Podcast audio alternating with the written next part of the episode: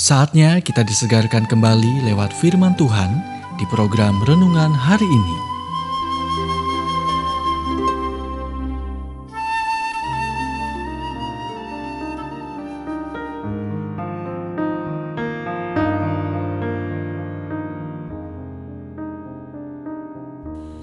Renungan hari ini berjudul Jadikan hidupmu berarti bagi Tuhan.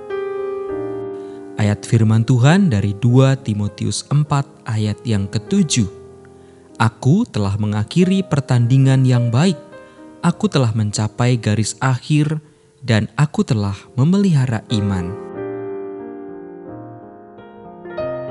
Di pemakaman Mount Hope di Kansas, Amerika, anda akan menemukan beberapa batu nisan besar yang didirikan oleh John Melbourne Davis.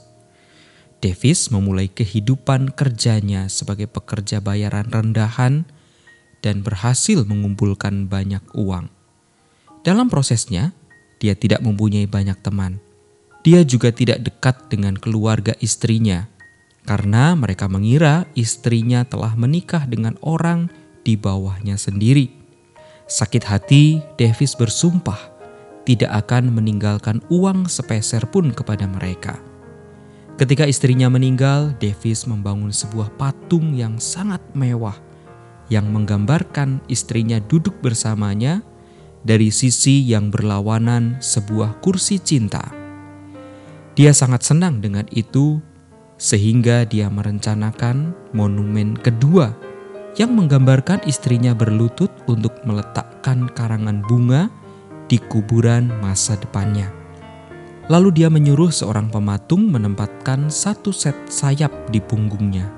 Satu ide mengarah ke ide lain, sampai dia menghabiskan 250 ribu dolar untuk penghormatan kepada istri dan dirinya sendiri. Ketika orang memintanya untuk menyumbang untuk rumah sakit setempat, atau kolam renang untuk anak-anak, orang tua yang kikir akan berkata, "Apa yang pernah dilakukan kota untukku?" Davis menghabiskan rezeki hidupnya untuk patung-patung dan meninggal pada usia 92 tahun sebagai orang yang kesepian, bermuka muram, yang menghuni rumah sosial untuk gelandangan. Dan apa yang terjadi dengan monumennya? Setiap dari monumen itu perlahan-lahan terperosok ke dalam tanah Kansas, korban dari zaman vandalisme dan pengabaian, monumen peringatan atas hidup dengki dan egois. Ada keadilan bernuansa puitis, khususnya tentang kenyataan bahwa dalam beberapa tahun semua monumennya akan hilang. Hanya satu orang yang menghadiri pemakaman petani Davis si penjual batu nisan. Jangan biarkan hal serupa terjadi pada Anda. Jadikan hidup Anda berarti bagi Tuhan.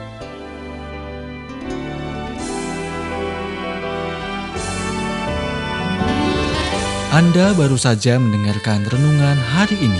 Kiranya renungan ini terus mengarahkan kita mendekat kepada Sang Juru Selamat, serta menjadikan kita bertumbuh dan berakar kuat di dalam Kristus. Bila Anda diberkati, berikan kesaksian Anda melalui WhatsApp di 0817 222 959 atau jika Anda ingin memiliki buku renungan hari ini, Anda bisa dapatkan di Radio Suara Gerasi FM, Jalan Setiabudi 31 Cirebon. Dengar dan lakukan firman Tuhan, maka hidupmu akan selalu berkemenangan. Tuhan memberkati.